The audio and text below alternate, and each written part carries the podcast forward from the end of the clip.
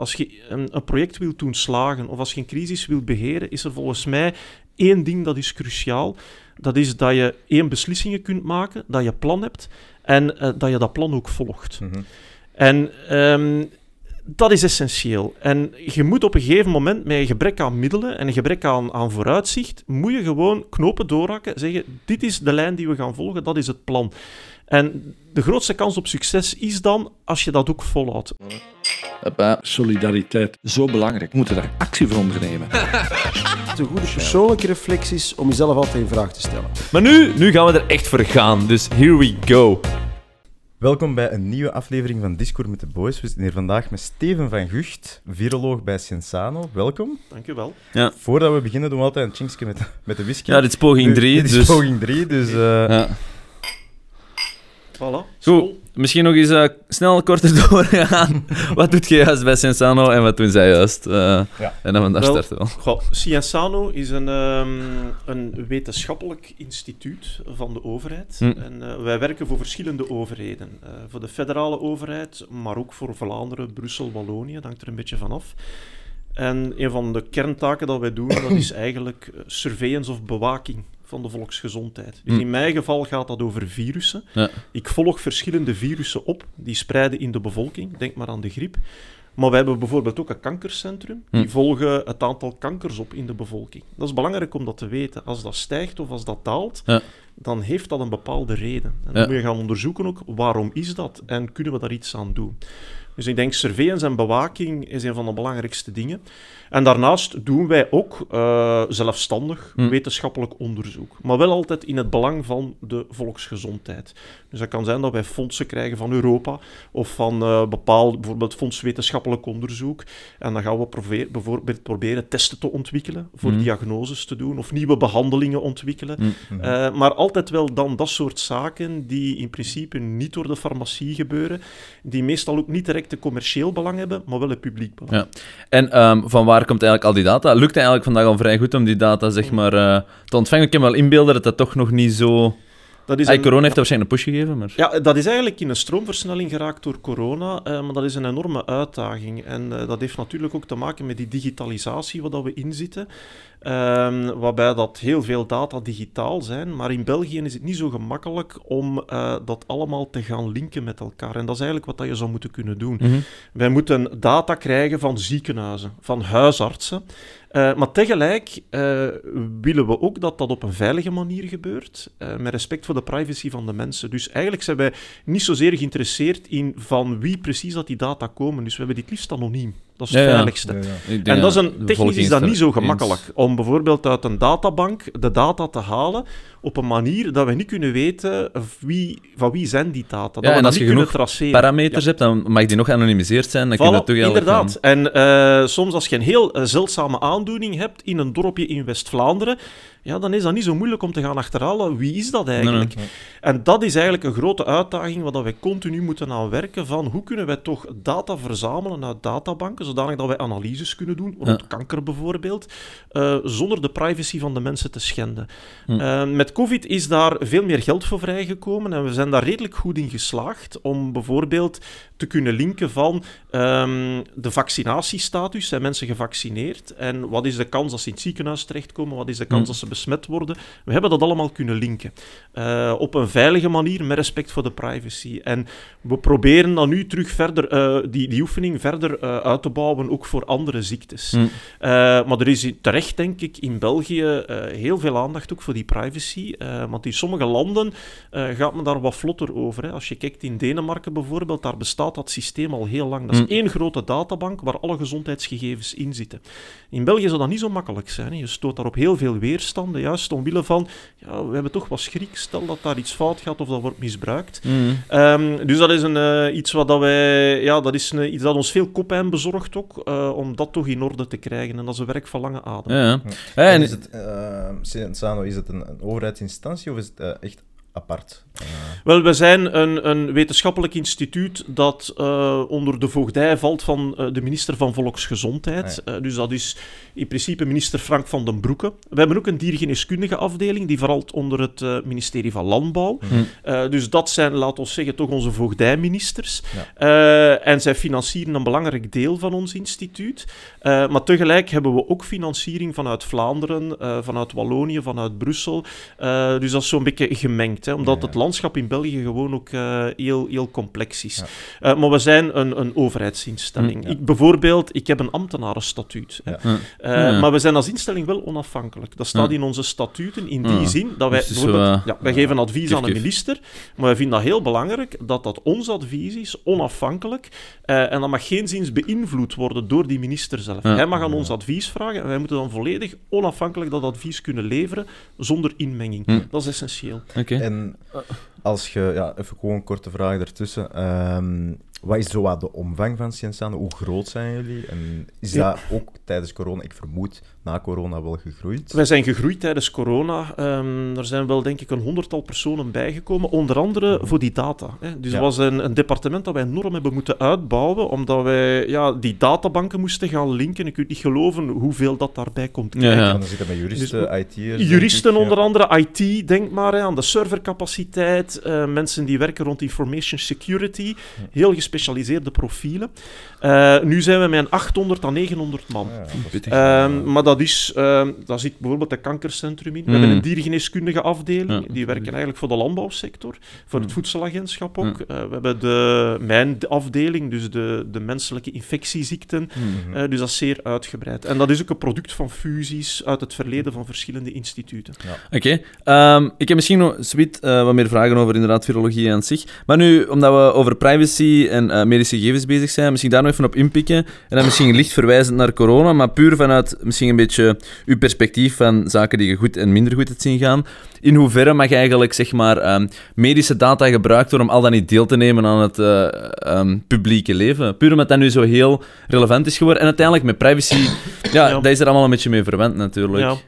Dus ik denk dat je verwijst naar het COVID-safe-ticket. hè, waarbij ja, dat is een soort Van, het- Mhm. Inderdaad, hè, dat je moest aantonen eh, dat je getest waart, of dat je besmet geweest waart, of dat je gevaccineerd waart. Ja, los nu van, want ik wil niet corona, maar inderdaad, hè, zo'n soort concept kan ook voor In andere zaken niet. bestaan. Ik hè. vind in principe niet. Eh, in, laten we zeggen, in vredestijd mag dat geen factor zijn. Eh, men heeft dat instrument wel gebruikt tijdens ehm, corona. Bij ons noemen we dat dan het COVID-safe-ticket. Ehm, initieel, ik, ik heb me daar zelf ja, altijd een dubbel gevoel bij gehad. Hmm. Hè. Ik denk dat dat wel ehm, een, een zekere nut had. Hè. Dus dat heeft wel in bepaalde mate iets bijgedragen, maar dat heeft ook heel veel weerstand gegeven. En Mhm. Ik heb me daar van in het begin heel veel zorgen over gemaakt. Eh, ik heb dat ook heel vaak gezegd achter de schermen van opletten, want eh, dit is ook iets dat eh, bij mensen heel wat frustratie kan geven en dat weerstand kan geven. En op langere termijn is dat geen goede zaak voor vaccins bijvoorbeeld. Oh ja, dat zit je. Ehm, nu, het, het instrument in het begin eh, vond ik wel, me wou dat eigenlijk toch wel heel ver gaan inzetten. Want als je kijkt naar de geschiedenis van dat COVID-safe-ticket, men is daarmee begonnen in eerste instantie bijvoorbeeld voor de grote evenementen. En dat was, we even teruggaan, 2021. We waren Mhm. begonnen met de vaccinaties, eh, maar we begonnen met de oudste personen eerst en dan ging je naar beneden, naar de jongeren. Eh, dan kwam de zomer, de festivalzomer kwam eraan en men wou eigenlijk al zoveel mogelijk mogelijk maken, ook voor jongeren. Maar die waren nog aan het wachten op hun vaccin, of toch op hun tweede dosis. Mhm. En dan dacht men, ja, we kunnen dan misschien wel met dat COVID-safe-ticket, kunnen we dat veld wat opentrekken, zodanig dat mensen die nog niet volledig gevaccineerd zijn, eigenlijk, ja, dat we die evenementen al kunnen mogelijk maken. Maar ja, dan moet je wel tonen dat je getest bent, bijvoorbeeld, Mhm. of dat je een besmetting hebt gehad. Dus we wou dat een beetje het veld gelijk trekken naar de jongere mensen toe. En dat kon ik eigenlijk volledig volgen. En dat liet dan toe om toch al grote evenementen eh, toe te laten, eh, mits dan die extra safeguard van dat COVID-safe-ticket.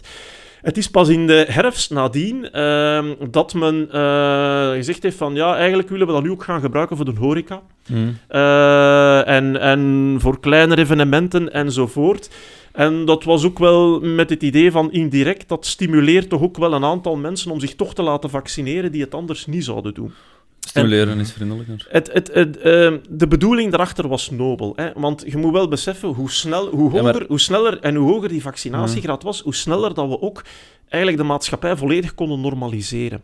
Eh, langs de andere kant ben ik altijd bezorgd geweest van ja, de weerstand dat dat geeft en inderdaad het idee dat je voor een stukje een medisch gegeven gaat gebruiken om toegang toe te laten tot een evenement, tot een plaats. Dat, eh, dat is inderdaad iets dat, dat heel gevoelig ligt, denk ik. Ja, Specifiek had eh, het vaccin ook effect op, op de besmettelijkheid naar anderen Ja. toe? Ja, dat was in het begin zeker zo. Eh, in de varianten voor Omicron. Dus Omicron is opgedoken in eh, eind 2021, begin 2022. Maar Mhm. Daarvoor hadden we andere varianten. Dus we hadden eerst die Chinese variant uit Wuhan. Dan hadden we de Alpha-variant uit het Verenigd Koninkrijk. De Delta-variant uit Indië. En daar zagen we wel dat mensen die gevaccineerd waren, dat die een merkelijk kleinere kans hadden om besmet te worden. En eh, ook minder besmettelijk waren voor hun omgeving. Dat was, dat stond, dat was niet 100%. Hè, maar uiteraard. je zag daar toch echt wel een significant effect. Dat is wel wat gekeerd met Omicron. Met Omicron is die bescherming tegen de besmetting zelf, die was er, maar dat was niet om over naar huis te schrijven. En ik denk dat, dat het effect dat je dan nog had met COVID-safe-ticket, dat werd wel heel klein. Ik heb het ooit eens berekend hoor, en dan sprak ik misschien over 10% of zo. Ja. Eh, dus dat is klein. En Dat dan moet je inderdaad wel gaan afwegen. Ja, die 10% extra bescherming weegt dan nog op tegen eh, ook, ja, de weerstand en, en de maatschappelijke kost die je hebt om zo'n instrument nog te gaan volhouden. Dus dat zat toen een beetje... Ja, eh, dat was al, al discutabel, denk ik. Maar 10% is wel 10%. Mhm. Dat moeten we Ja. ook zeggen. Misschien, ehm voordat we daar wat dieper op ingaan, maar hoe maak je eigenlijk een risicoanalyse om dan op een bepaald moment te zeggen van ehm, nu gaan we medische data en privacy eigenlijk ehm, ja, samenbrengen of net schrappen in functie van a greater good? Want uiteindelijk, ik denk, eh, corona, maar ik wil niet te veel over corona hebben, maar ik wil het wel gebruiken misschien als Ja. idee om te kijken van hoe moeten we nu de toekomst beter doen. Ja. Van, ehm, ja, want uiteindelijk op een bepaald moment eh, wordt er natuurlijk wel, zeg maar, eh, geschrapt dan in privacy voor een hoger doel, zij het dan. Eh, dat is dan natuurlijk te bepalen. Maar hoe maakt zo'n risicoanalyse van, oké, in de toekomst, wanneer zouden we dat nu wel opnieuw terug doen? En in zekere mate toch, let's be real hier, de privacy schenden, zij het dan misschien voor een Ja. hoger doel. En wanneer niet, hoe wordt daar naar gekeken? Of, Ja, of- wel, ik denk... ehm, je, mo- je moet altijd naar de context kijken. Hè. Ik denk... als ik terug ga... Men vergeet dat heel snel, hè, hoe dramatisch de situatie was waar dat wij in zaten. Ik hoor nu ook vaak... ehm, we moeten bijvoorbeeld debatteren over... Ga je al dan, ooit- al, dan niet, al dan niet ooit nog een lockdown doen? En nu lijkt dat iets heel absurd als je denkt van... Wauw jongens, wat hebben we Dat allemaal leek gedaan? al enzovoort. maar Ah, wel, ja, maar je moet je wel voorstellen in die situatie dat we toen zaten. Eh, bijvoorbeeld die eerste golf. eh, ik vergelijk dat met in uw auto zitten en eh, recht op een boom afrijden. En eh, je gaat die een boom, je gaat die een boom, als je niks doet, ga je daar rechtop rijden, hè, aan Ja. 50 kilometer Maar per dat, is uur. drie, maar dat is maar drie van de honderd mensen die tegen een boom rijden. De andere 97 rijden door. Hè? Oh, ja, nee, nee, niet echt hoor. Ehm, als je eh, bijvoorbeeld in die eerste lockdown, wat dat we toen zagen gebeuren op heel korte tijd, dat zijn nu ziekenhuizen die volstroomden. Hm. Mhm. En dat was, dat was fenomenaal. Hè. Op enkele weken tijd, eh, als je toen niet ingreep, dan lagen alle ziekenhuizen vol. En dan is er ook geen plaats meer voor eh, Andere, eh, anderen. Dus dat was een probleem sowieso, van iedereen. Ook Ja, al. Dat was altijd de voornaamste beweegreden. Dat is hè? De- altijd- de druk op de zorg. hè? Dat is Ja. altijd het voornaam. Het ging zelfs niet, hoe erg dat dat ook was, hè, hoeveel mensen dat er ook gestorven zijn, daar is het nooit over gegaan. Hè. Er zijn er meer dan 30.000 Ja. overleden aan COVID. Dat is niet de reden geweest van lockdowns enzovoort. Hè. Het was het probleem dat hem in het zorgsysteem, Ja. dat je, als je daar eh, een volledige saturatie ging krijgen, dan wordt dat een probleem van iedereen.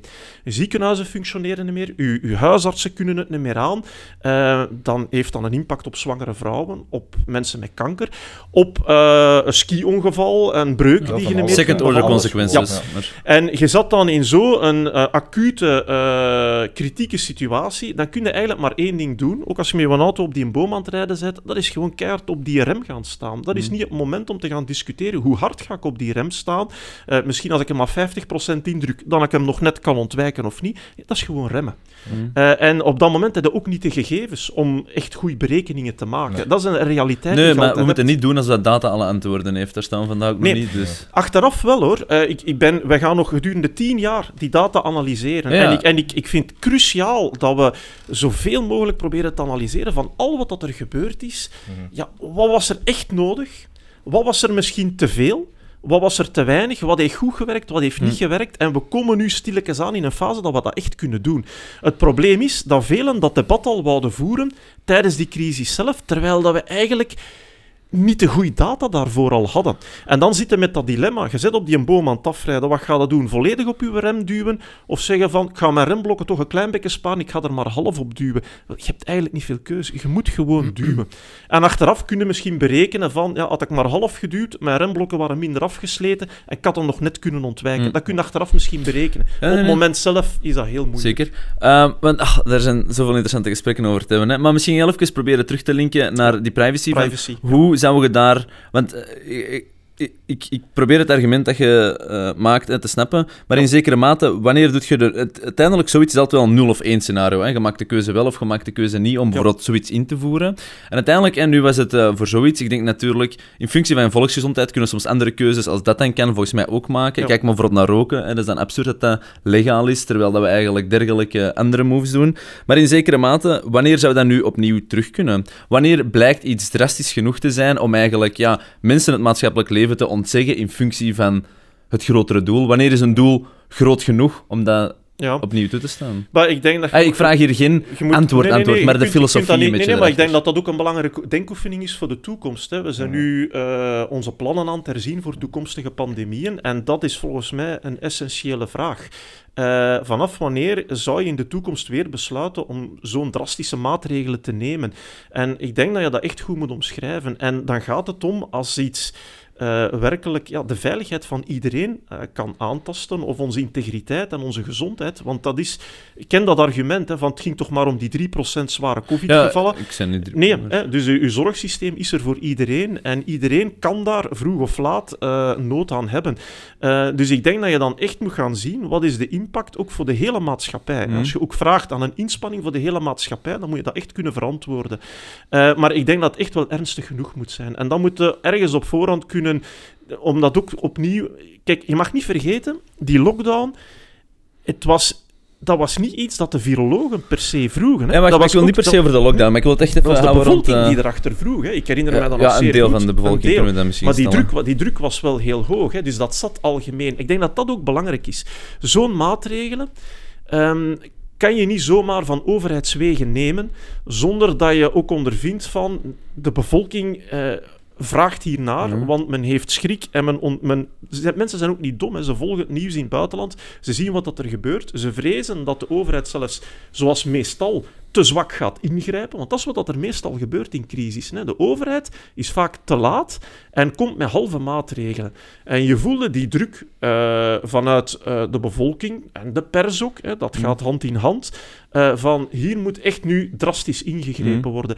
En dat is een belangrijke voorwaarde, want ik denk zonder dat signaal ga, politiek gaat dat nooit doen. Hè. De, de poli- politici zijn absoluut niet geïnteresseerd om te zwaar in te grijpen en daardoor heel veel weerstand van de bevolking te krijgen. Je moet dat draagvlak ook vanuit Het parlement werd natuurlijk in dit specifieke geval ook deels buiten spel gezet. Dus ik weet nog niet dan of dat per se eh, de politiek, om het eh, in woord te geven, daar zo mee eens was. Maar om daar again, niet te hard op in te zoomen, wat ik dan ook denk van als er uiteindelijk een groter doel eh, te heiligen is, dan denk ik, dan kunnen ook een, een fastfoodpas inzetten voor obesitas, wat uiteindelijk ook een enorme druk legt eigenlijk op de gezondheidszorg. Ja. En uiteindelijk, als dat er dan niet is, hebben we misschien meer ruimte bij dergelijke Maar, zaken maar om dat vind ik een heel mooi voorbeeld. Ja? Ehm, obesitas is vooral dan een probleem van de mensen die obesitas hebben. Ja? Ehm, je ziet daar in essentie meer dan met een... eh, dat is een enorm probleem En nu het niet meer over virologie misschien, sorry. nee, nee, nee, maar, eh, maar, ja. nee, nee, maar dat is een essentieel. Dat is, ik vind dat een mooi voorbeeld. Eh, dat is een groot probleem en dat neemt toe. En je moet dat ook... Dat, we zijn daar trouwens ook mee bezig. Hè.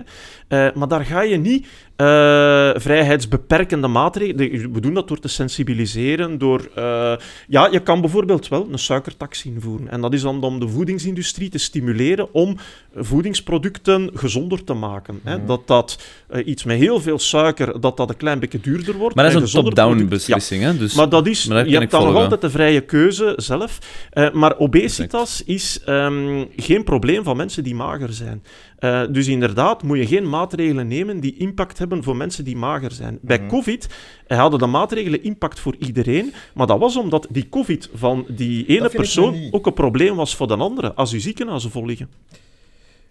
Op, op vlak van de zorg ja, maar voor de, de ziekte zelf niet. Hè? Want ja, je had natuurlijk een ehm, ehm, doelgroep dat, dat het meeste besmet kon worden en dat het zwaarst onderlijdt.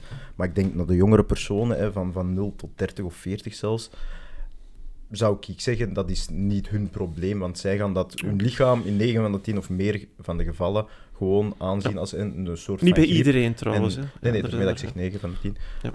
Ehm, en dan denk ik wel dat dat een beetje vergelijkbaar is met eh, mensen die Hm. obesitas hebben of niet. Hè. Ehm, Maar- op vlak van de zorg is dat inderdaad iedereen zijn probleem. Ehm, maar dat kun je dan eigenlijk ook stellen op dat obesitas gegeven. Hè. Stel dat het daar explodiseert en dat er heel Ja. veel gevallen zijn en dat daardoor druk op de zorg zou ontstaan. Dat gaat nu niet direct gebeuren.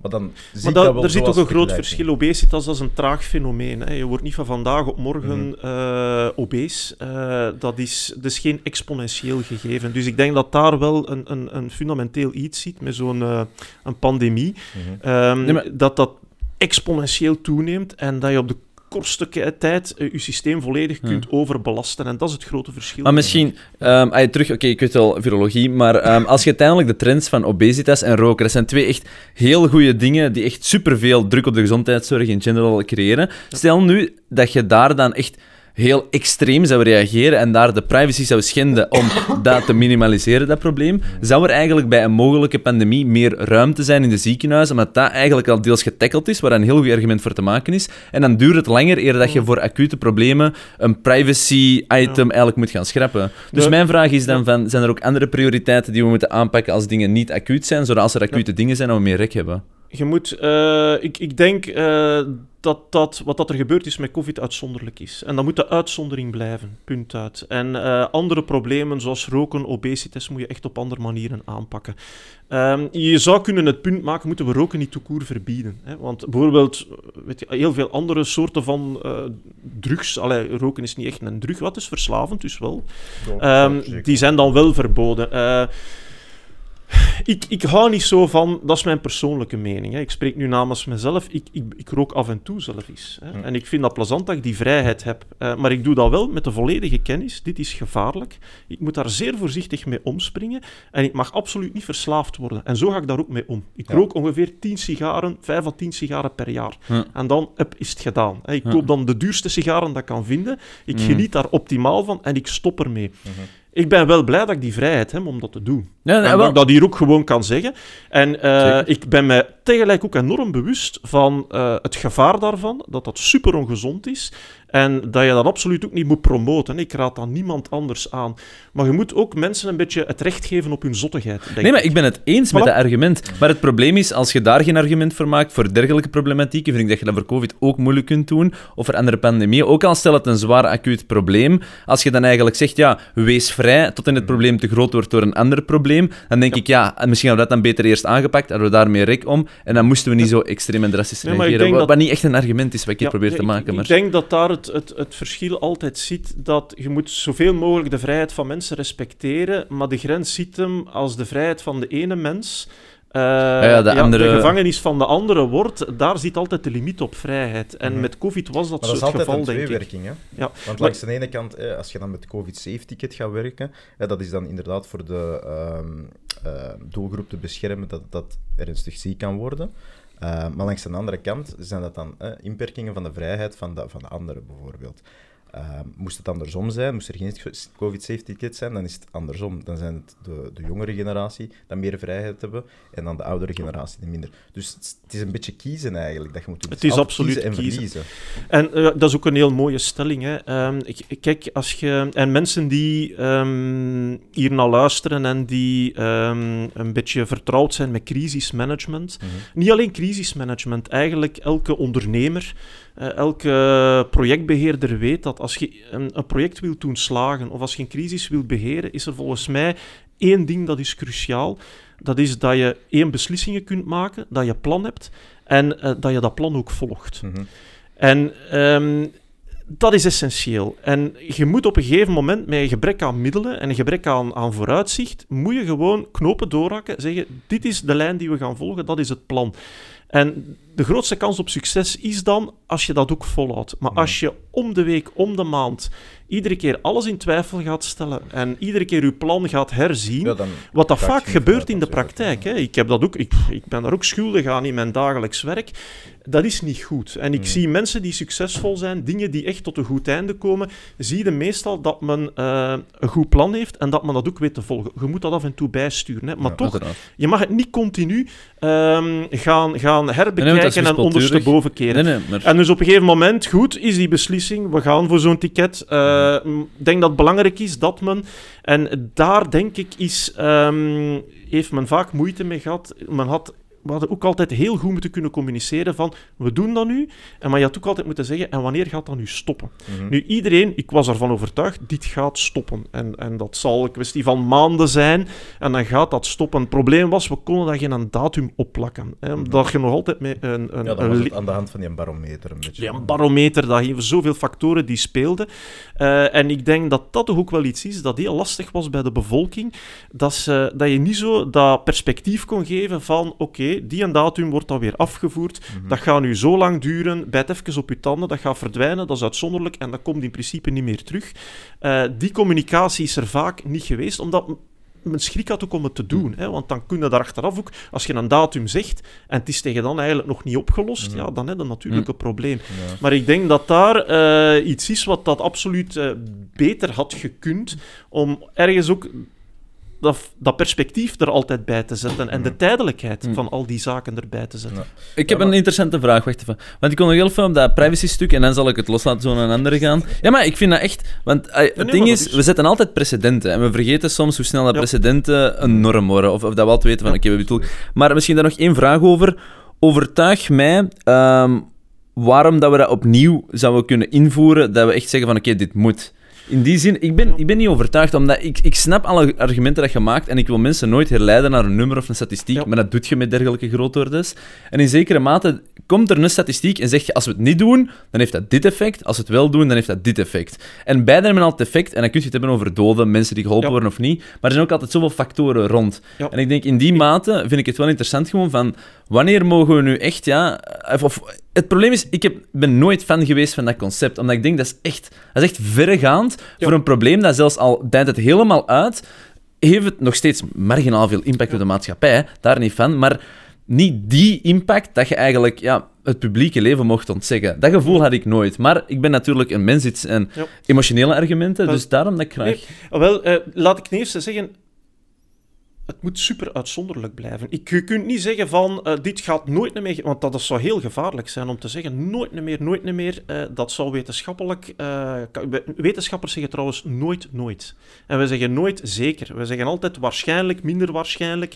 In ieder geval, zo'n instrument, dat moet absoluut uitzonderlijk zijn. Maar stel u een situatie, we hebben nu met COVID een beetje dat was een erge situatie, maar we hebben wel het geluk gehad, en dat was echt een geschenkje van moeder natuur, hè, ehm, dat hoe jonger dat je waart, hè, hoe minder eigenlijk dat je getroffen werd. Dat is een Hmm. geluk. Want er zijn virussen waar dat, dat helemaal niet zo is. Je hebt virussen waar het zelfs omgekeerd was. Eh, de Spaanse griep, 100 jaar geleden. Kinderen, jonge Dat is- mensen, die waren dus echt... die waren zwaarder getroffen dan ouderen. Ouderen hadden er iets minder last van. Dus met virussen weet je het nooit op voorhand. Mhm. Ehm, wat zou een situatie zijn in de toekomst? Stel je voor dat je met een virus ziet dat plots opduikt. ehm, en eh, dat treft alle leeftijden. Hmm. Alle leeftijden. Hè. Je bent ook als jonge mens, als twintiger, eh, als je dat krijgt, heb je 10, 20 procent kans op overlijden. Theoretisch, hè, ik zeg Hmm. maar iets. Ja. Maar dat is niet uit te sluiten. Zo'n virussen bestaan in principe, maar gelukkig spreiden ze niet eh wijdverbreid. Ja, want hoe meer Ja. sterftekans... Dus op dat moment, wat gebeurt er? Ja, niemand durft nog buiten komen. Ja. Je gaat, jij gaat niet met een kans dat op 20% overlijden als je het krijgt, op café gaan zitten of naar een fuif gaan. Eh, als je dan kan zeggen, ja kijk, ehm, we hebben eh, zo'n een, een, een, een- een safe ticket Mhm. gemaakt. Eh, zodanig dat als jij kan bewijzen dat je een negatieve test hebt en je bent negatief, ja, dan zijn we redelijk zeker dat je veilig op café kunt gaan. Ja, dat was ook geen absoluut, hè, maar Nee, bon. nee, nee, maar in de, in de veronderstelling dat die voorwaarden vervuld zijn, Mhm. dan ga jij misschien zeggen, oké, gelukkig zeg, ik kan mij laten testen of eh, ik kan al aanspraak maken op de eerste vaccins, dus Mhm. ik ben even safe. We kunnen toch dingen gaan doen en Mhm. anders blijf je thuis.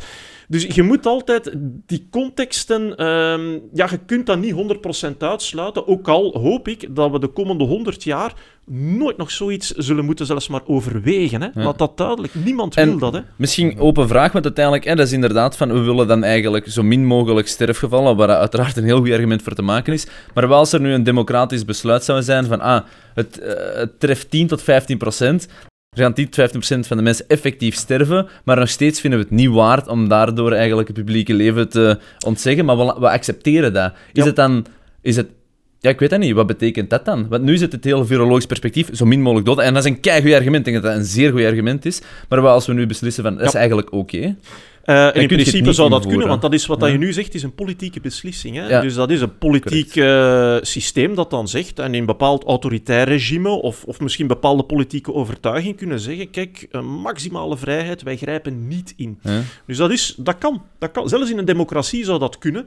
Eh, wat dat je dan gaat krijgen, Tuurlijk is, wel. vrees ik, een maatschappij die stilvalt. Eh, Je moet je voorstellen wat de impact op je economie gaat zijn. Want je gaat een groot deel van de bevolking hebben eh, die niet meer buiten komt. Die gaat zichzelf Mm. beschermen. Men neemt dan zelf zijn eigen verantwoordelijkheid. Dus een beetje meer het Amerikaanse systeem. ja. Mensen gaan zich opsluiten, ontvangen geen bezoeken meer, gaan niet naar evenementen, gaan niet op café, nemen extreme voorzorgen van naar de winkel te gaan en dan gaan enorm veel economische sectoren enorm zwaar onder lijden. Los van het Eigenlijk een feit dat je- lockdown op individueel Voilà, niveau. Dus indirect krijg je dat ook. Alleen je hebt er geen controle over. Door vanuit de overheid bijvoorbeeld te zeggen: wij gaan de maatregelen opleggen en we gaan u compenseren. Hm. Dus men heeft inderdaad zeer erg voor heel veel ondernemers enzovoort eh, hebben moeten sluiten.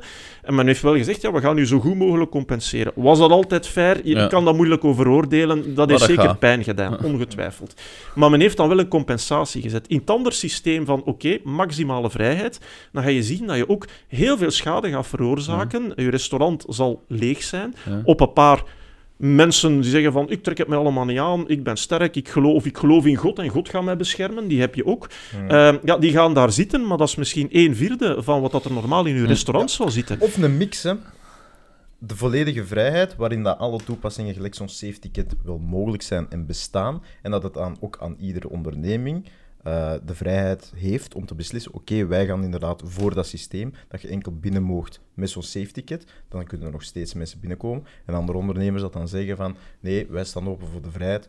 Ja, en je maakt zelf de een keuze en idealiter mix, geïnformeerde Ja. keuze van wat doe ik? ik ga, Ja. ga ik naar die zaak die niet veilig is, of die ik niet veilig beschouw, Exact. of ja. ga ik eerder naar de zaak die ik wel veilig beschouw? En dan Ehm, zit je in een echte democratie. Eh, wel, dan zit je in een, in een- wel, democratie, weet je, het is Ja. allemaal democratisch. Hè. Politici beslissen, worden Ja, verkozen. ja, ja, Eh, maar ja. dan zit je inderdaad in Dan een je heel... Dan zit het Zeer meer een beetje in het, in het Amerikaanse systeem. Hè. Mm. En eh, je ziet dat dat een enorme polarisatie veroorzaakt ook. Hè. Want je hebt dan de believers, de mensen die Mhm. veilig willen zijn. Degene die zeggen, ik trek er me niks van aan. Dus ook in, in dat model krijg je een enorme polarisatie. Die gaat er altijd zijn. Ik denk maar niet dat exact. dat een groot verschil Je gaat die zijn altijd hebben. Ehm, maar ze zal niet noodzakelijk kleiner zijn. Hè. Je moet maar naar. Amerika Nee. kijken, want daar zat Ja, je iets meer in dat model. Hè. Mhm. En Amerika heeft het over de hele lijn niet beter gedaan dan wij. De polarisatie is er groter dan bij ons. Hè. Hm, Ja, maar je hebt ook het Zweden. Maar Ja, dat is ehm, ook een beetje de cultuur. Amerika is sowieso. Ah, ja, polarisatie. natuurlijk. Dat is cultuur. Ja. Dat is de manier waarop zij Ja. hun democratie eh, implementeren. hè. En misschien ehm, iets meer terug naar je job. Eh, als eh, viroloog zijnde, van... ehm, wat doet dat met u? Hoe moet ik het zeggen? Of, of hoe kijkt je uiteindelijk naar de mens en virus? Want virussen zullen er altijd zijn, in zekere mate. Die zullen, je hebt af en toe hè, van die zotte virussen die echt gewoon volledig doorslaan. Ja. Ehm, dit was dan inderdaad een meevaller al bij al, want het kon veel erger, zoals de geschiedenis al heeft getoond. Eh, ik weet niet in zekere mate van ehm, hoe kijkt jij dat we als globale mensheid, maar iets minder dan los van politieke beslissingen, alhoewel, gaat er altijd eh, terug bij komen, maar eigenlijk moeten samenleven met virussen. Hè? Want in zekere mate Zeker. eh, is dat er altijd. ehm, en en hoe, hoe doen we dat zo goed mogelijk? Want ja, hoe meer bevolking, hoe meer dat virussen er gaan zijn. Alles wordt eigenlijk complexer. Eh, Het enige dat we misschien kunnen zeggen is dat we sneller gaan kunnen schakelen met onze gezondheidszorg door ook allemaal vastzetten. Maar ik bedoel, uiteindelijk is dat enkel maar een stijgende lijn van Ja. gevaar, als je het dan zo extreem Ja. wilt noemen. Hoe kunnen Ja. we daar gezonder mee een samenleven? beetje- want je bent een wetenschapper, we komen allemaal van hè, moeder natuur, zullen we het dan even Ja. zeggen. Ik denk dat we het daarover eens kunnen Ja. zijn momenteel. Ja. Dus zowel wij komen ervan, maar een virus komt ook van moeder natuur. Ja. Dus het is zo'n beetje... Ja, maar dat is- absoluut, absoluut. En wat dat wij nu meemaken, pandemieën zijn van alle tijden en zijn van alle soorten. hè. Dus alle Ja. meeste diersoorten hebben vroeg of eh, laat wel een keer te maken met massale sterfte, omdat, er dus, omdat daar het, de natuur zijn gang gaat. hè. Mhm. Wij hebben als mens die capaciteit om dat proberen te controleren. Maar in de natuur is dat schering en, ins, eh, Mhm. schering en Ja. inslag, hè, dus zoiets. Eh, en dat is denk ik het, nog altijd het verschil tussen ons als mens en eh, de rest van de natuur, dat wij kunnen ingrijpen. Nu, Ja. hoe heb ik dat beleefd? Wel, kijk, het is eigenlijk een beetje surrealistisch, maar ik zat al, ik geef al nou, sinds 2006, 2008 zoiets zal het zijn, Mhm. geef ik les over ehm, eh, virussen en pandemieën. En wat dat er nu gebeurd is met COVID-19, ja, ik zat daar eigenlijk al 15 jaar les over te geven. En eh, eigenlijk ongeveer exact te zeggen wat dat er allemaal gebeurd is. En dan gebeurt dat plots en ik, ik was zelf verbaasd van, fuck, dat gebeurt hier echt. Hm? Dat is wat ik eigenlijk al zo vaak in mijn lessen zit te zeggen. Meestal kan ik de studenten redelijk boeien daar rond, want dat is eigenlijk wel een, fascinerend onderwerp. Maar eh, als dat dan echt gebeurt, was ik daar zelf van verrast. Van, eh, oeh, dat gebeurt hier echt. Hm. Eh, dus was dat helemaal onverwacht? Nee, ik zat altijd te zeggen, dit gaat opnieuw gebeuren. En kijk wat dat er allemaal kan gebeuren. Mhm. En, eh, en een overbelasting van uw systeem, enzovoort, enzovoort. Dat stond allemaal al beschreven, ik gaf daar les over. En als dat dan echt gebeurt, was ik, ik zelf verbaasd. En zat ik ernaar te kijken van, wow, ik maak dat echt mee. Terwijl ik Hmm. eigenlijk niet verbaasd hoefde te zijn, want ik zat het al zo vaak te voorspellen. Eh, dus voor mijzelf was dat eigenlijk ook eh, als, als iets eh, zeer surrealistisch eigenlijk. Hè. Heel die, die, die covid-periode, zeker in het begin.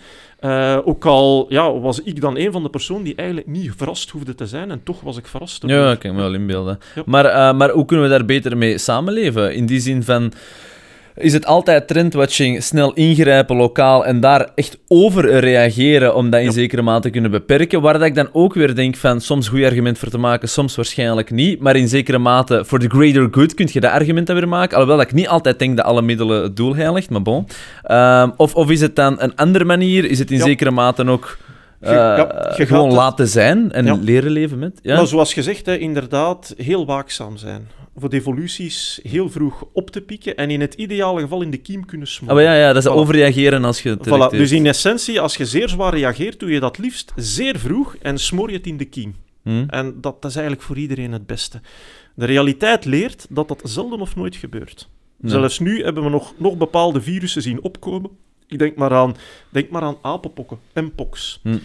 Daar hebben we ook heel genuanceerd gereageerd. Gelukkig, zou ik zeggen, achteraf. Ondertussen is dat gaan liggen. Maar als dat begint, dan wisten wij eigenlijk ook niet hoe gaat dat evolueren. Ja. Misschien gaat die apenpokken gaat dat een nieuwe eh smallpox worden. Hè? Gaat dat hier exploderen en wordt dat een wereldwijde Mhm. Pandemie opnieuw. Want je Ja. weet niet precies hoe dat, dat gaat evolueren. Ja. Eh, we hebben in het begin, dus je moet altijd inschatten. En we hebben in het begin gedacht van, we achten de kans klein dat het gaat gebeuren. Dus we gaan proberen proportioneel te reageren. Dus sensibiliseren, opletten met je seksueel gedrag, beperkt het aantal partners, laat u testen. En zodra dat er een vaccin is, alsjeblieft, en je zit in een risicogroep, iemand die heel vaak wisselende seksuele contacten heeft, tussen mannen, hè, Mm. want daar zat het vooral, laat u vaccineren. En dat is wat dat we gedaan hebben. En wel, dat is goed uitgedraaid. Ondertussen quasi geen gevallen meer van mpox. Maar in het begin blijft dat altijd een risicootje. Want je Ja, weet niet precies. ja. Hè? Misschien is dat hier het begin van een nieuwe COVID-episode. Dat kan je niet volledig uitsluiten. Het Mhm. had ook gekund dat dat van eh, de, de homoseksuele gemeenschap zou naar andere gemeenschappen gaan en dat je dat heel snel de controle zou verliezen. Beetje gelijk die eh, COVID-varianten dat dan Ja, ontstaan dus eigenlijk. Ja. Elke keer is dat een risico-inschatting. Hmm. En dat gebeurt ook hè, op niveau van de WHO. Wij komen onmiddellijk samen, wij zoeken onmiddellijk, oké, wie heeft hier kennis van, samenkomen, wat denkt hij? En dan is dat een risico-inschatting. En dan, eh, meestal schatten we dat vrij correct in. En soms slaat dat een bal wel een keer mis. Ik denk in het begin met COVID dat we het misschien wat onderschat hebben. Hm. Dat we dachten van, dit zou misschien toch wel eerder een soort zware griep kunnen zijn. En eh, hopelijk moeten we niet te zwaar ingrijpen. Dat was helemaal in het begin nog Mhm. wel... eh, dachten we dat dat het mogelijk scenario was. Hè? Mhm. Maar toen ontplofte het in Italië, even later Ja, bij ons. ja. En dan wist je van, nee, het is dan niet. Ja. We gaan echt meer moeten doen. Maar op dan hebben wij ook gewacht tot op het moment dat je zag van, nee, nu moet je echt zwaar gaan ingrijpen. Ingrijpen. Maar je zit iedere keer met die vraag.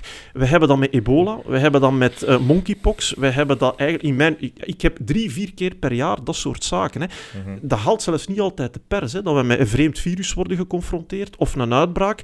En dan moeten wij zeggen, ja, hoe gaan we... We proberen altijd proportioneel in te grijpen. Uiteraard, ja. En de meestal- maken Ja, niks, en proberen eigenlijk zoveel mogelijk paniek en ongerustheid te vermijden en heel gericht te reageren.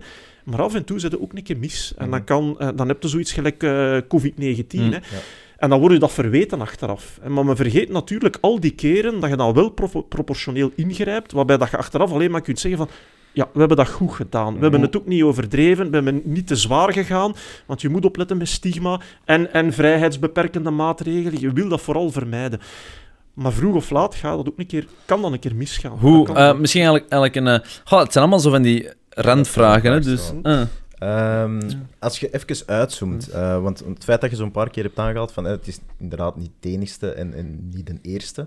Als je dan even uitzoomt, hè, omdat we het er juist ook even over moeder natuur hadden, zou Ja, het dat ook niet gewoon kunnen zijn, hè, dat is een beetje doemsdenken dat ik hier ga zetten, ehm, maar dat de mensheid misschien een soort van virus is voor de aarde Ja. of het universum, en dat die soort van virussen eigenlijk de, de anti-lichaampjes of witte bloed of rode bloedcellen zijn, dat Regulatie. eigenlijk, hè, inderdaad, Regulatie van de natuur. reguleren. eh, Hoe staat je, heb je daar vaak al over nagedacht? Hoe Ja, staat absoluut. Dat dat? staat, dat staat eh, trouwens, ik zeg u, ik geef al, al 15 jaar les over pandemieën. En een Ja. van de slides die ik toon, dat is de evolutie van de wereldbevolking. Ja. Hoe, bij hoeveel mensen lopen we op de aarde? Exact. En dan toonde dat van de voorbije niet, een paar duizend jaar. Zo heb je die curve, die loopt vrij vlak. En dan zie je zo de laatste anders. 200 Ja. Jaar, schiet dat naar omhoog. Mm. En soms is dat aan biologen dat ik les geef. En dan zeg ik aan die biologen, zeg, als je die curve ziet, hè, en dat gaat hier over een levend organisme, hoe noem je dat? En dan is er altijd meteen een slimme die zijn hand opsteekt, ah, dat is een pest, een pestsoort. Ja. Dat, is, wel, dat is de definitie van een pest. Hè. Wanneer dat je plots een exponentiële stijging krijgt in het aantal individuen, eh, met eigenlijk een tekort aan grondstoffen, hè, die geraken uitgeput. En een mechanisme in de natuur is dan inderdaad dat er dan vaak, wanneer die grondstoffen wat schaarser worden of die individuen komen te dicht op elkaar te zitten, krijg je uitbraken van ziekte. En dan gaat dat op een lager niveau terugvallen. Je krijgt massale sterfte. Mhm. Eh, dus dat is dat, dat vaak in de, in, de, in de natuur zit. Nu, ehm, ik, ik, ik, ik wil daarmee niet zeggen dat dat bij ons zo moet gaan. Eh, absoluut niet, want we zijn mensen. We hebben, het verschil met ons is dat we verstand hebben en dat we vooruitzicht hebben en dat we een controle kunnen uitoefenen. Eh, maar dat betekent wel, de boodschap is wel, we gaan wel iets moeten doen naar de toekomst toe om dit onder controle te houden. Niet zozeer de bevolkingsgroei, die zal vanzelf Ja, onder 10 à controle 11 komen, miljard denk gaat ik. op. Dat gaat niet blijven duren. vruchtbaarheid en zo. Ik Eh, weet niet of dat je daar cijfers van hebt, Ja, maar de afgelopen Maar die gaat automatisch, eh, uh? Na- die gaat automatisch naar onder, hè, naarmate, ja. omdat mensen Ja. minder geneigd zijn om... Eigenlijk, eigenlijk, vruchtbaarheid heeft vooral veel te maken... De belangrijkste eh, correlaat eh, is vooral welvaart. Hoe Ja, ja. beter mensen het hebben, dat is hoe echt minder waar, kinderen. Mhm. Hoe beter dat je het hebt en hoe Hmm. gezonder dat je bent, hoe minder kinderen dat mensen hebben. Dus als je daar iets moet doen, is vooral zorgen dat je voor iedereen zoveel mogelijk welvaart kan creëren en gezondheid kan creëren. Mhm. En je gaat dat geboortecijfer van Ja. de ene dag op de Zit je in andere zien onderuit educatie van vrouwen is Ziet direct gecorreleerd naar met... beneden gaan. Plus Hm. ook het gewoon het feit dat als je kind krijgt, dat je weet van dit kind heeft een grote overlevingskans, maakt dat men al geneigd is, en dat is vaak ook onbewust, hè, om één of twee kinderen zijn genoeg. Ik moet er geen tien hebben. Vroeger Maar stierven er drie op vijf bijna. Vroeger stier- stierven er misschien Ja. een helft zelfs. hè. Hè. Ja, ja. En als vijf als, jij, jaar. als jij nakomelingen wil hebben om voor jou Hm. oude dag te zorgen, want dat komt er ook bij. hè. Die mensen hebben kinderen, want die hebben daar geen pensioen of geen, geen verzorgingsstaat. Die kinderen moeten dan zorgen voor eh, de ouders als die oud zijn. Ja, je moet er genoeg hebben, want je weet dat je er een aantal gaat verliezen. Nu- Dat, is, dat is heel erg om dat te zeggen, maar zo werkt het wel. Dus verbeter de gezondheid en de welvaart. En eh, dat is dan ga je het snelste impact hebben op die eh, groei van de wereldbevolking. Nu, misschien ehm, ter aanvulling van Arno's vraag dan. Ehm, in zekere mate, eh, natuurlijk, want je hebt al een paar keer de mens proberen te onderscheiden van de rest van de natuur, maar ik denk natuurlijk het feit dat we onszelf geweldig vinden, is ook wel een gevaar. Ehm, en in zekere mate, ja, kan natuurlijk nog steeds een virus een soort van antilichaam zijn van de aarde. Dus moeten we soms dan niet proberen de mens te managen in plaats van het virus? Eh, maar dat proberen we. Hè. We proberen eh, onze gezondheid te beschermen. We hebben vaccins, we hebben geneesmiddelen. Instituten zoals Ja, maar mij proberen... proberen Nee, nee, die- nu proberen we de mens terug te beschermen. Ja. In die zin van zijn wij het virus. En is de Ah, virus de mens? Voor de, Dus voor de planeet. En, en dat is dan... Dan ja. aan het gaan. hè, Goed, maar dan heb je twee scholen. Hè. Dat is Je maar hebt een dan- filosofische je hebt, je vraag. hebt zeer, je hebt een zeer extreme visie die zeggen van ja, er moeten gewoon minder mensen zijn, de mens is het probleem en eh, als we maar met een miljard zouden zijn, zouden eigenlijk veel problemen opgelost zijn. Ja. Nu, Ja. ja. ik vind dat een, een zeer last... Ik deel dat niet, om eerlijk te zijn, laat dat duidelijk zijn. Maar daarover gaat... Je hebt mensen die dat zeggen, hè. Ja, maar en die zo. ook bewust zelf geen kinderen willen. En dat begrijp ik, dat is een persoonlijke keuze. Maar om dat te gaan zeggen als strategie, dat is zeer extreem. Zeker on- ons maatschappelijk leven, dat dus- nu georganiseerd is, dat kun je Ik, niet meer ik mee. denk wel dat we moeten beseffen als mens dat we inderdaad. eh, ja, dat, dat we inderdaad, ik zou zeggen, een probleem voor de planeet zijn, maar dat we daarom juist moeten die moeite doen om te zorgen voor het milieu, voor het klimaat eh, en ook voor onze eigen gezondheid. Hm. Eh, omdat dat inderdaad niet zo evident is. Hè. We, zijn, we zijn met enorm veel en dat zet een enorme druk op onze omgeving. Dus moeten we heel veel inspanningen doen om die omgeving ook te beschermen van ons. Hm. Eh, dat is de groene beweging, laat ik maar zeggen. Hè. En daar moeten we ons van bewust zijn. Misschien En dat, hè. stoute vraag om uw voorbeeld nog naar een meer extreme vraag te trekken, maar ook ehm, ineens de virologie erbij te nemen. De beste lange termijn ehm, strategie voor virologie kan dat ook niet zijn om eigenlijk gewoon elk virus vrij te laten, de mens pittig te laten reduceren tot een veel kleiner aantal, waaruit er veel minder virussen zijn, we eigenlijk veel resistenter zijn, en daardoor eigenlijk een grote oplossing hebben voor een general virologisch probleem. Nee, omdat, ten eerste omdat dat, dat, dat, dat is zeer extreem. Omdat, Nee, maar het is ja, een ja, extreem. Dat is zeer, eh, hoe noemen ze dat? Eh, Jo, maar je moet soms eh, ja, an- zijn, hè. Anti, anti-mens. Nee. En plus, ik, nee, nee, nee. En plus, ik ga je nog iets zeggen. Ja, het, zeggen, het, is niet, het, het neemt niet alle dreigingen weg. Hè. Dus nee, momenteel, nee, nee, maar dat is ook niet wat ik zeg. wat maar- is momenteel een van de grote problemen van bedreigde diersoorten? Ik denk aan cheetahs. Mm. Eh, maar je hebt er nog andere. De, ehm, eh, Californische condor bijvoorbeeld. Mm. Je hebt daar niet zoveel meer van. Wat is een van de grootste problemen voor die een volledige extinctie? Het zijn net virussen. Dus de Californische condor, om het voorbeeld aan te gaan, voor te gaan op uw voorbeeld, is niet omdat je met weinig zet dat pro plots problemen Nee, nee, van infectieziekten Nee, nee. opgelost zijn. Nee, nee, zeker Nee, het kan zelfs uw laatste genadeslag zijn die u volledig doet verdwijnen. Ja, En momenteel is het, is het zelfs het geval voor sommige Mm. soorten. Dus we hebben nu vogelgriep. Hm. Dat is een, een pandemie onder vogels, wereldwijd. En die vogelgriep is ondertussen ook overgeslaan, onder Mm. andere naar de Californische condor. Probleem, je hebt er niet veel van, ze krijgen het en ze sterven. Dus het kan zijn dat die vogelgriep Ja. zelfs de genadeslag gaat geven aan die soort. Dat is één voorbeeld, maar er zijn er nog een paar. Ja. Dus het is niet zo omdat je maar met weinig zet, dat infectieziekten plots geen probleem meer zijn. Nee, eh, de natuur kan vreed zijn. Nu, hoor. ik Dus, ga eh, even dus, het eh, nog een ene- vo- Een vogelgriep safe ticket moeten geven om naar het zuiden te mogen gaan. Eh, Nu- maar voor vogels, hè. eh, ja. Om nog even het ludieke extreem te nemen, maar dan los te laten, is uiteindelijk wel, er is maar één goede constante voor diersoorten te laten uitsterven, dat is wel de mens. Hè? Dus in die mate zijn wij We dan zijn misschien de grootste bezig, dreiging. hè. Ja. Ja. Maar, ehm, oké, nee, ja, goed. Eh, Ja, ik, vond, ik, ik vind dat een super boeiend Ja, onderwerp. ja, Maar- je maar bent we wat donkerder, hè, dat is zo. Ja. Nee, ehm, misschien nog een vraag. Ehm papapam. Mm, ja, wat zijn zo... Ah, ik, leuk hè. Wat zijn zo de top drie ehm, non-intuïtieve dingen die je hebt geleerd doorheen eigenlijk de virologie? Omdat ik denk, doorheen COVID heb je dat ook gezien, eh, misschien ben je er zelf ook soms schuldig aan bent geweest, en mensen eigenen zichzelf nogal snel, denk ik, een soort van kennis toe, waarbij dat Ja. ze dingen snappen. Maar de meeste dingen, als je die echt probeert te snappen, zijn die heel non-intuïtief. Dan denk je van, "Ha, hoe kan dat zelfs? Want dat lijkt niet logisch. Ja. Eh, zijn er zo van die zaken die je zelf doorheen je job hebt geleerd, dat ook ja, je Ja. mensintuïtie tegenspreken, maar zo is het nu? Wel, virologie in het algemeen. Hè. Mijn studies, mijn ervaring. Eh, één ding, we beschouwen ons vaak als de koning der schepping. We vinden onszelf inderdaad De fantastisch. virologen? Ja, de- of Nee, nee, nee, eh, nee, de mens? mens, Ah, mens. Ja, Mens. God. Ja. En als je iets leert als viroloog, eh, dan is het dat die visie helemaal fout is. Hm. Wij zijn niet de koning van de schepping. Het zijn de meest eenvoudige wezens eh, die eigenlijk de koning van onze schepping zijn. In die zin, wij lopen hier als mens nog maar een paar honderdduizend jaar rond. En ik weet echt niet of dat wij nog honderdduizend jaar gaan volhouden. Laat staan honderd jaar, laat staan eh, tienduizend jaar. Hm. Ik durf dan mijn hand niet voor in het vuur steken. Maar ik kan u wel garanderen dat virussen en bacteriën binnen een miljard jaar hier nog altijd zijn. Ehm, dus wij, wij hebben een hoge pet op van onszelf. En eh, goed, we zijn, wij hebben, eh, we zijn intelligent, we hebben cultuur, allemaal terecht. Maar als je echt kijkt eh, in de evolutie van het leven, eh, dan zijn het de bacteriën en de virussen en de kakkerlakken, bij wijze van Mhm. spreken, die de koningen van de schepping zijn. Ja. En je bouwt een enorm respect op hè, voor... wat dat zo fantastisch is aan een virus, is dat is oersimpel in zijn bouw, maar zo krachtig, zo flexibel, zo adaptief. Daar eh, kun je eigenlijk, hoe erg dat dat ook is, kun je alleen maar bewondering voor hebben. Dus dat is Omdat iets dat je leert. heel hè. extreme organismen zijn, niet? Omdat die maar één doel hebben, niet? Eh, die hebben niet echt een doel. Nee. Gewoon, net als al de rest van het leven, overleven en ja, nakomelingen produceren. Exact. Ja. En dat- het feit dat dat het enigste is, Voilà, en dat leer je, dat is, de, zonder afleiding, want Ja. de mens heeft massa's voilà, afleiding. dat is de essentie van het leven. Hè? Gewoon eh, blijven bestaan.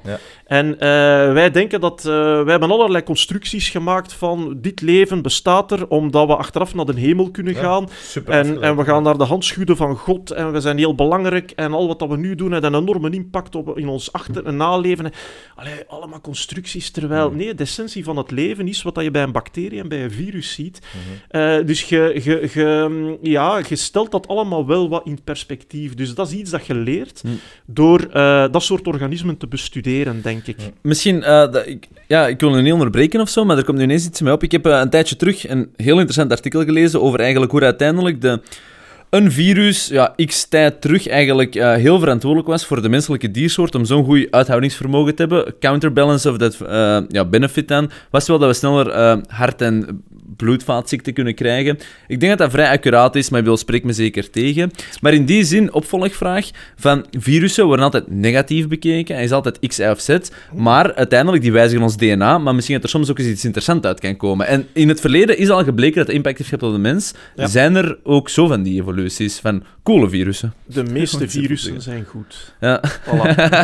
de meeste mensen zijn goed. ja dat is de mensen... Zo zijn de meeste virussen goed. Hè. Eh, Die komen natuurlijk niet in En over het algemeen bestuderen we die ook niet, omdat dat brave virussen zijn. Eh, maar er zitten er bijvoorbeeld miljarden in uw darm op dit Ja, ja. moment. En die zijn Eén cruciaal. of twee kilo van ons lichaamsgewicht is bacteriën een virus. Wij hè? zijn eigenlijk meer bacterie dan mens. Dat is ook Ja. zoiets, hè, om maar te zeggen, die relativering. Als je in je lichaam Ja, gaat ja. tellen hoeveel menselijke cellen... eh, Wij zijn eigenlijk een zak van bacteriën. Hmm. hè. Wij worden gebruikt door bacteriën. Heerlijk. Uw, uw darm, uw huid, dat zit, dat zit vol met bacteriën. Ja, ja. En wij voeden die. Wij eten die whisky die ik hier nu aan het drinken Dat maakt ben, het die kapot wel, hè? wordt- eh, die maakt mij kapot, maar die bacteriën die gaan dat gebruiken. Hè. Daar zit suiker in, daar zit van alles in. Ja, merci, hij is weer whisky aan het drinken. Dat is hier goed voor ons. Dus we zijn, en ook als je het aantal cellen gaat tellen, of als je gaat kijken hoeveel van je DNA is menselijk Mhm. en hoeveel van je DNA is bacterieel, wel, je Mhm. bent meer bacterieel dan menselijk. Mhm. Dat is zo. Cool. Ehm, dus nu ben ik met, ja, de goede virussen, daar Ja. kwam ik bij. Eh, de meeste virussen zijn goed en zijn belangrijk. Niet alleen voor de werking van ons lichaam, maar zelfs heel ons ecosysteem. Eh, in onze darm, dat zit vol met virussen. Wat doen die daar? Die houden onze bacteriën onder controle. Onze darm bevat bacteriën, die maken vitamine, die zijn belangrijk voor onze vertering. Eh, maar dat is een hele delicate balans. Dus die bacteriën, dat zijn veel soorten en die moeten in de juiste balans voorkomen. En die balans die wordt voor een stuk geregeld door bacteriën. Eh, die bacteriën die hebben ook virussen. Die virussen doden die bacteriën als er te veel zijn. Dus de balans van bacteriën in uw darm wordt geregeld door virussen. En als die een balans van bacteriën verkeerd zit, dan krijg je heel nare ziektes. Eh daar kun je allergische aandoeningen van krijgen, daar kun je de ziekte van Crohn van krijgen, dat kan dodelijk zijn. Allemaal zo opnoemt. Dus dat is allemaal zo fragiel, man. dat is Ah. allemaal een ongelooflijk fragiel evenwicht. Mhm. En dat is een evenwicht van virussen, bacteriën, mens, planten. Dat werkt Omgeving, allemaal op elkaar in. Temperatuur. En alles. En virussen zijn daar een essentieel onderdeel van. Eh, weet je dat, eh, ik heb dat ook in mijn cursus, ik ben het vergeten, hè, maar als je in de oceaan, oceaan als je een soeplepel eh, zeewater Ja. pakt, dat, is, dat is een bom van virussen. Hè. Ja. En dat de virussen regelen de balans van plankton en eh, van kleine organismen in die zee. Eh, en dat heeft dan weer een impact op de CO2 in de lucht. Mhm. Dus de virussen in de oceaan spelen een rol in de CO2-cyclus en in de opwarming van het klimaat, allee, de op, of Mm. de, de, het broeikaseffect. Ja. Ja. Dat, dat, dat werkt overal op in. En in de meeste gevallen zijn dat vrij goede effecten. Hm. Ja. Als ik u zo hoor, sorry, maar dan is wel het argument voor Arno, waarin hij er straks zei dat het virus het antilichaam is dat de mens probeert te reguleren op aarde. Maar bon, dat is eh, een, een antwoord. Nee, maar dat is, dat is een mopje. Ja, Ehm, Maar- maar, wat ik wel even wil vragen, ja, maar doe ook maar direct, maar ehm, is met eh, CRISPR, hè, waarin dat we proberen ook het DNA te wijzigen, wat uiteindelijk ook een soort van ja, virusinjecties, waarmee we heel specifiek dan proberen één deeltje van DNA te targeten. Zijn er ook zo evoluties binnen virussen? Zijn er vandaag virussen die ook eigenlijk ons DNA wijzigen op zeg maar iets ja, iets interessants dat echt impact heeft, los van kankers, want dat is vaak zo de standaard mutatie, hè, kanker, maar... Ja, dat is het slechte voorbeeld. Dus een virus kan kanker veroorzaken. Ja. Dus je hebt virussen die in uw DNA gaan zitten. Als ze op de verkeerde plaats gaan zitten, veroorzaken ze kanker. Hm. En er zijn verschillen. Baarmoederhalskanker bij vrouwen. Meest voorkomende kanker bij vrouwen wordt veroorzaakt door een virus. Nee? HPV, Ja. ja. Ehm, ik zal u nog een andere statistiek geven. Eh, Hm. Uw DNA, uw menselijk DNA, hè. 3 miljard letters lang. Ja. A, G, C en... A, C, G en T. FT. Eh, hoeveel procent denkt dat daarvan dat eigenlijk viraal is? Oké, stel uw vraag nog eens een keer, dat ik ze goed snap. Uw DNA? Ja. uw 3 miljard letters die je hebt, Ja. eh, hoeveel daarvan is denk ik vir, u denkt een virus? Eh, dat dan voortkomt uit virussen, wilt je Dat stellen? echt viraal, viraal DNA is. Ah. Ja, ik heb geen flauw idee. 8 tot 10 procent. Ja, oké. 8 tot 10 procent van ons genetisch materiaal zijn eigenlijk virussen die wij in de loop van de Die evolutie zich echt hebben, gesetteld hebben in ons die DNA. zich gesetteld hebben in ons DNA. Dat is Dus ook daar. Ja, we zijn eigenlijk die paar tiende, we zijn één tiende virus. Hè. Zelfs genetisch zijn we Ja. één tiende virus. cool. Meestal doet dat niks, want dat zit op plaatsen die geen betekenis hebben. Hmm. En af en toe denken we wel dat dat een rol heeft gespeeld in de evolutie van de mens. Onder andere in de vorming van de placenta, Hm? in, eh, zelfs dus in de manier waarop dat onze foetus groeit. En eh, er zijn hypothesen dat sommige van die virussen ook eigenschappen in ons DNA hebben binnengebracht die heel nuttig zijn geworden voor onze evolutie. Onder andere de, de vorming van de placenta. Er is een bepaald eiwit waarvan dat men denkt dat het eigenlijk afkomstig is van een virus. Hm? En dat is essentieel voor onze embryonale feutale ontwikkeling. Hm. Dus soms doet dat een keer iets goed en dan blijven we dat ook houden, want dat is gewoon evolutief, is Ja. dat een gunstig kenmerk. Meestal doet dat niet veel, maar 8 tot 10 procent van ons DNA is viraal. Echt veel. Ja. Ja, stoer. Ja. Maar als ik- Dat zijn de, de retrovirussen, provirussen, technische termen noemen we dat. Ja. Ah, wel, het is- het is tof om dat zo eens uiteengezet eh, te horen. Maar dan, dan vraag ik me zo af van eh, het feit dat ons lichaam, het onbewust, echt die focus legt eh, op dat overleven en voortplanten, punt, gelijk aan andere virussen doen of bacteriën.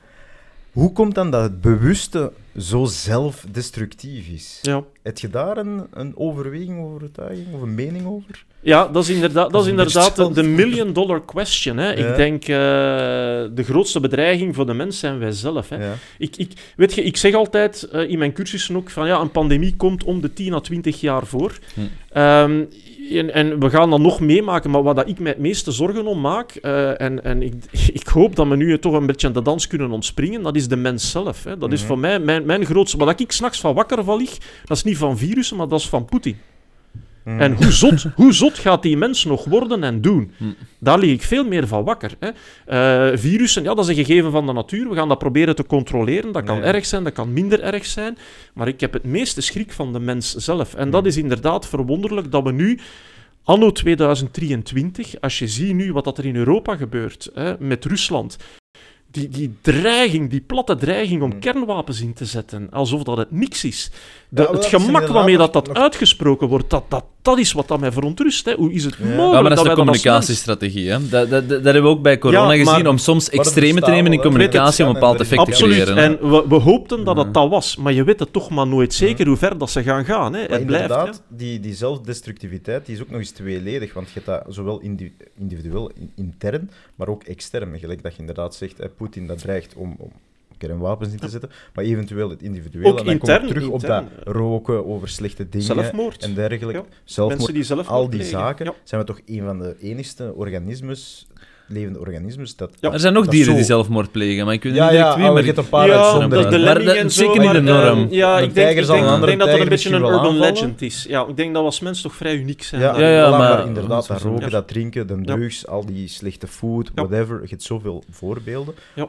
En een, een- beest doet zoiets niet, hè? Of Ik denk dat dat een beetje de vloek van ons bewustzijn is. Hè. het Eh, had wel ontsnappen. ik heb ze, ja, Ja, omdat eh, we dus eh, het feit, ontwikkeld bewustzijn hebben. Het feit dat we... Kijk, wat, dat, wat ik enorm ik ben, ik, ik kan enorm veel rust vinden in dieren. Ik heb thuis een hond, ik heb kippen.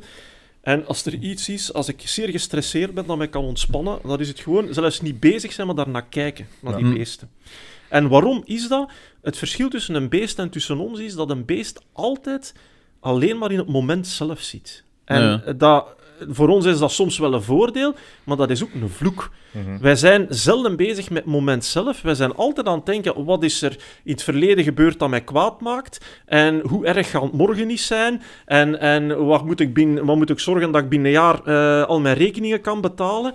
En wij zijn bijna negatief. zelden in het moment zelf. En dat is Mm. vaak een vloek. Hè? En dat maakt dat het, het, het, het leven soms heel moeilijk om dragen Mhm. is. En dat is iets wat ik enorm rust kan vinden door naar dieren te kijken. En dat is net daarin dat die in het moment kunnen zitten. Een hond, dat maakt niet uit wat dat, dat is. Toont hij een frisbee en die is instant gelukkig. Mhm. Oh, frisbee, in orde. Maakt mij niet uit wat dat er daarvoor gebeurd is. Maakt mij niet uit wat dat er nog gaat gebeuren, want dat denkt hij zelfs niet over na. Die frisbee is daar en die is gelukkig. En dat vind ik, en ik denk dat dat voor veel mensen zo is, maar ik denk dat dat een beetje de vloek van ons bewustzijn is. Misschien moeten we de prefrontale cortex wegsnijden, dan hebben we dat ook allemaal meer. ja, oké, maar we gaan het allemaal een minder bewust meemaken. eh, dus eh, het, het, ja, Ja, meer eh, drinken zodat je wordt uitgeschakeld. Ja, dat, ja. de lobotomie opnieuw invoeren. Ja. Ja, Eh. oh, ik, ik heb dat ooit een keer, dat was zo'n quote dat ik op Instagram tegenkwam, eh, een meme zo, hè, van eh, alcohol is, hoe moet ik het zeggen, de, de goedmaking van God om ons bewustzijn te geven. van, ik heb je bewustzijn gegeven, maar, hier, maar bon, ik ga u een wat troost, alcohol eh, geven, voilà, en daarmee is het zo erg niet. back to Ja. basics. Wat ik absoluut niet het gebruik van alcohol wil mee promoten, want dat is absoluut een killer ook. Maar dat heeft allemaal te maken met dat bewustzijn en dat vooruitzicht en het Hmm. onvermogen om gewoon in het moment te blijven zitten. Hmm. Wat dat men probeert aan te leren via mindfulness en zo. Ik heb dat in het verleden ook wel een paar keer gedaan, maar het blijft toch een moeilijke opgave voor. Ehm, misschien nog heel even teruggaan naar een, eh, een, een, een vorige thematiek die we hebben aangehaald, maar gewoon virologie, sociologie. In die mate, ik denk dat die twee per ongeluk heel hard verwant zijn, omdat uiteindelijk de keuzes die je wilt maken vanuit virologie hebben automatisch een sociologische impact. Ja. Langs de andere kant, je bent geen socioloog, Nee. dus je kunt alleen maar stellen van voor een virus te beperken, kunnen we best dit doen, maar ehm, dat beschouwt niet de mens als geheel, puur dat hele gezondheidsaspect. Ja. In... ehm, het hele COVID-gebeuren, niet om daarop in te zoomen, maar gewoon heel goede argument, I guess. Ehm, eh, is het wel... Is de perceptie zeker wel zo, of toch voor, een, voor veel mensen, dat dat misschien een beetje te veel de overhand heeft gekregen, het viro- eh, virologisch perspectief.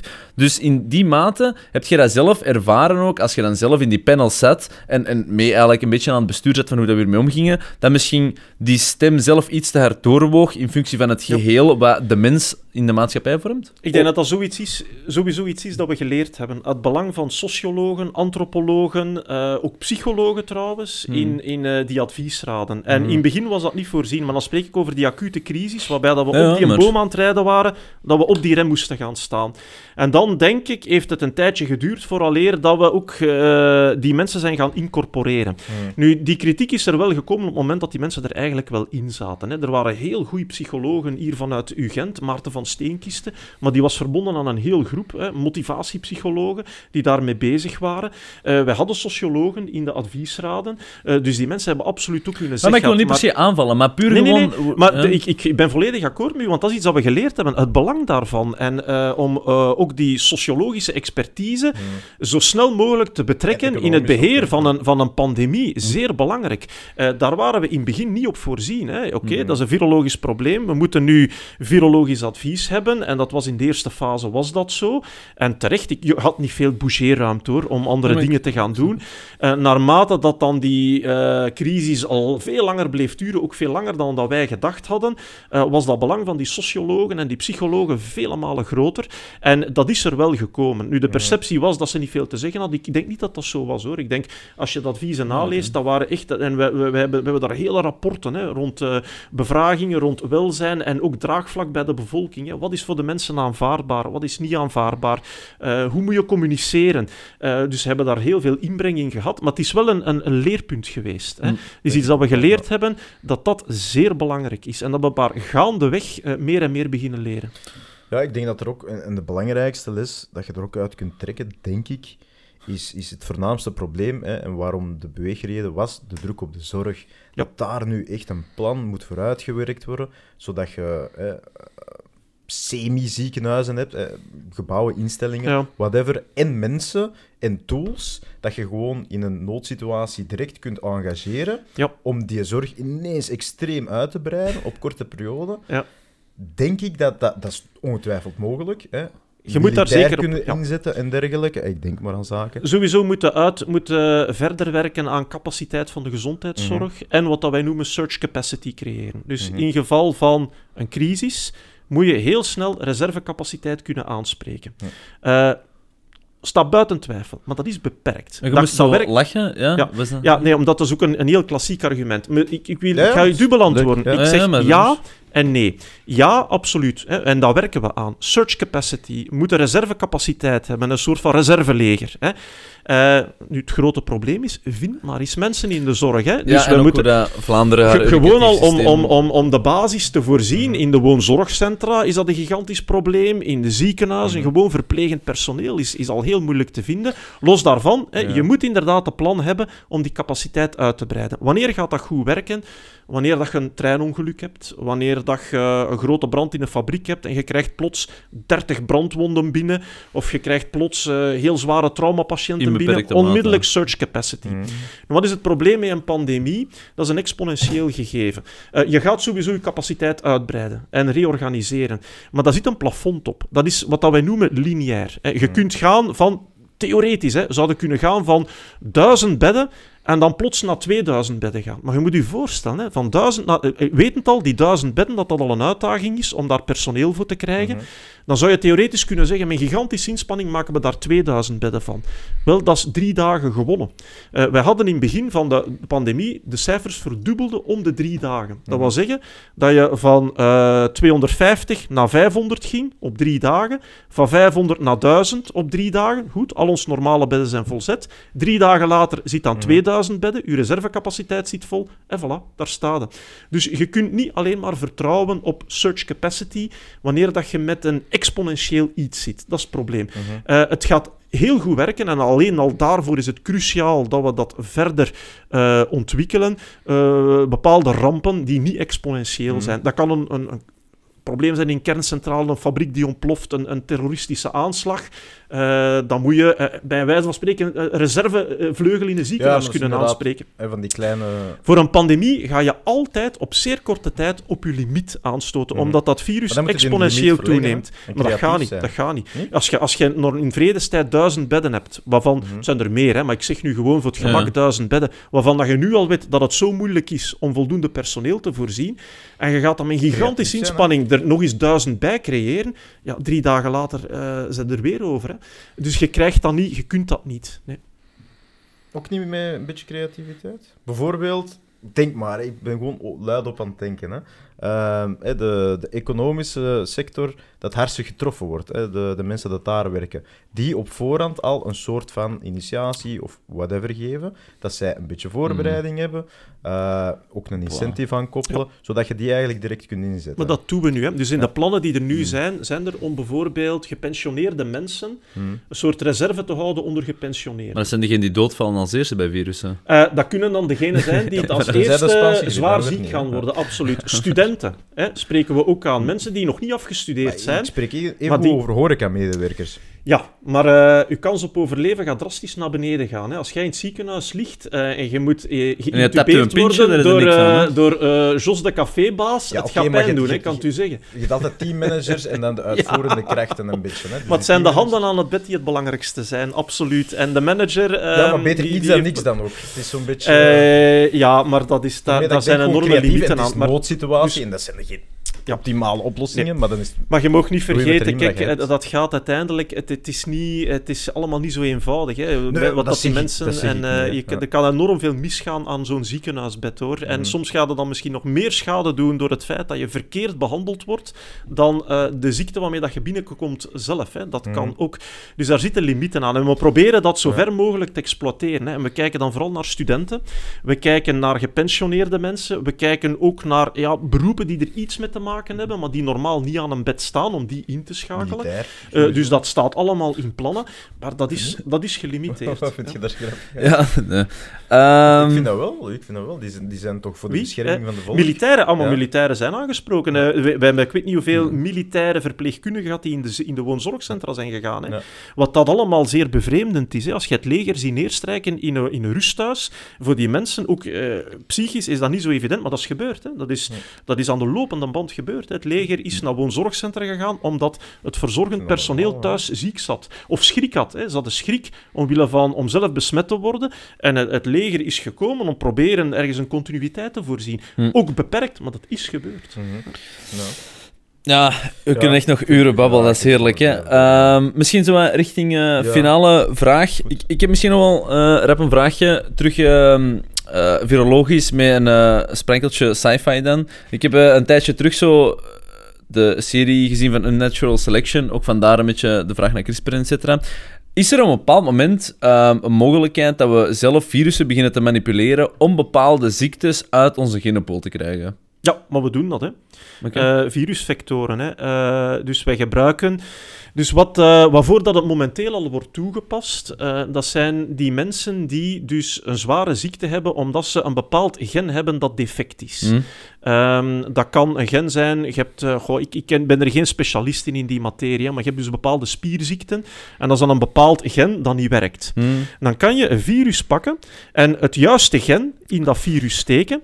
En dan ga je dat virus aan die persoon toedienen. En dat virus gaat dan zorgen dat dat gen in je DNA geïntegreerd wordt. En dan kan je die mensen genezen. Dus dat gebeurt nu al op kleine schaal. En ik denk dat dat in de toekomst nog meer gaat gebeuren. En voor die mensen is dat ongelooflijk. Je kan die dus bij wijze van spreken genezen op die manier. Maar het, het interessante is dan natuurlijk dat hij effectief in het DNA zit. Dus dat zit ook in het DNA van de nakomelingen dan. Ja. Dus in die mate Dat kan. is er op een bepaald moment een, eh, een moment dan, slechte zin misschien, maar waarin dat we ook echt een virus loslaten. Want een virus heeft natuurlijk ook altijd een soort van kopie-effect buiten één individu. En op een bepaald moment gaat het natuurlijk ook wel zich doorzetten naar andere mensen binnen de soort. Ja. Ehm, allee, ja, gewoon, dat is een beetje een tijd waarin dat we leven, denk ik ook. Waarin dat zo de heel die eh, ja, geneeskunde echt wel een aantal stappen vooruit zet. Waarin dat we volgens mij niet ver staan van dergelijke experimenten, maar waar dat we misschien ook niet het effect direct van snappen, omdat het zo ver kan gaan. Maar ja, is er zoiets Ja. ja. dat je nu weet, waarop dat je zit te wachten, of, of waarop dat, dat nu bezig is? Of... Ehm, ik maak me daar niet direct grote zorgen in, maar uw punt is wel terecht. Wetenschap gaat veel vlugger vooruit dan eh, wetgeving en dat de maatschappij kan Hmm. volgen. En je ziet dat met artificiële intelligentie momenteel ook. Mhm. Al die grote bedrijven die zijn daar een enorme voorsprong aan het nemen, die beginnen dat tegen elkaar op te lanceren. En de wetgever die staat ernaar te kijken, die weet niet wat dat er gebeurt. Hè? En dat is ook eh, met genetische manipulatie. Eh, ja, theoretisch. eh CRISPR-Cas-technologie die je aanlaat, is, is niet viraal trouwens, dat is bacterieel. Maar je dat kunt die ook in een virus steken. Eh, nee, dat, denk Ja? ik, dat denk ik niet. Maar theoretisch zouden kunnen zeggen... Hè, je Want ik dacht dat ze dat, ehm, dat CRISPR-ding dan in een bepaald virus staken, zodat dan het alle Ja, DNA eh, je- je wijzigt. moet- soms kan het virus als, een vector gebruikt worden Ja. om iets in je cellen binnen te brengen. Exact. Eh, dat was de stijl. maar- Maar, maar- dat wouden ze ook doen voor bepaalde... Ik weet nog, een Ja. bepaald eiland ehm, ook bepaalde diersoorten om vruchtbaar te maken. Het is daarom dat ik er nu heel specifiek Ja, over ja, ja, Eh, nee, dat waren ratten toen, maar... Ja, ja, in principe kan je zo'n toepassingen bedenken. Dat Eh, wel, maar dan weet je niet hoe ver dat het ineens kan gaan, omdat Ja, je met absoluut, nakomelingen... is. Absoluut, en dat is een bezorgdheid, want de wetenschap staat daar meestal één stap verder dan eh, de overheden en de wetgevers en de Hmm. En hoe ga je dat controleren? Eh, artificiële intelligentie is momenteel hetzelfde issue. En eh, dat zijn zaken Hmm. waar ik me wel in zorgen in maak. En dat is ook iets waar dat we op het instituut bij ons wel mee bezig zijn. Hè, met dat soort dreigingen om te zorgen dat we dat ook kunnen detecteren. We zijn, wij ontwikkelen momenteel technieken op ons instituut om eender welk nieuw virus, maar ook een gemanipuleerd virus te kunnen detecteren. Hmm. Iets dat kwaadwillig zal losgelaten worden in de bevolking. Ehm, Ah, dat dan Dat weer het we- neveneffect. hè. Absoluut, Ja. dat in, in samenwerking ook met leger enzovoort, dat we dat kunnen tijdig opsporen. Eh dus zijn onder andere zaken die we doen. We hopen dat we dat nooit moeten gebruiken, eh, maar dat zijn, dat zijn risico's die je niet volledig kan uitsluiten. En die technologie en die wetenschap evolueert snel. Ja, maar interessant, hè, want het biedt gewoon veel opportuniteiten, maar ook gewoon weer... Ja, het kan weer zeer nefast gebruikt worden. Al die zaken hebben dual use. Al die vooruitgangen kan je Ja. gebruiken voor goede zaken en voor slechte zaken. En dat, gaat dus, eh, hm. dat is een, een probleem dat alleen maar gaat toenemen, denk ik. En dat ga je moeten controleren. Dan heb je sterke overheden nodig om dat eh, in de hand te houden. Ja. Ja, ja ik kijk er iets anders op, maar ik snap wat je bedoelt, inderdaad. eh, de, de evoluties zijn interessant. Eh, misschien nog rap een finale vraag dan. Eh, Covid, gecreëerd in lab of niet? Mm, totaal niet. Dat zijn allemaal broodje aap verhalen. Ah, maar er zijn ook een aantal credibele bronnen die uiteindelijk Ja, is zeggen...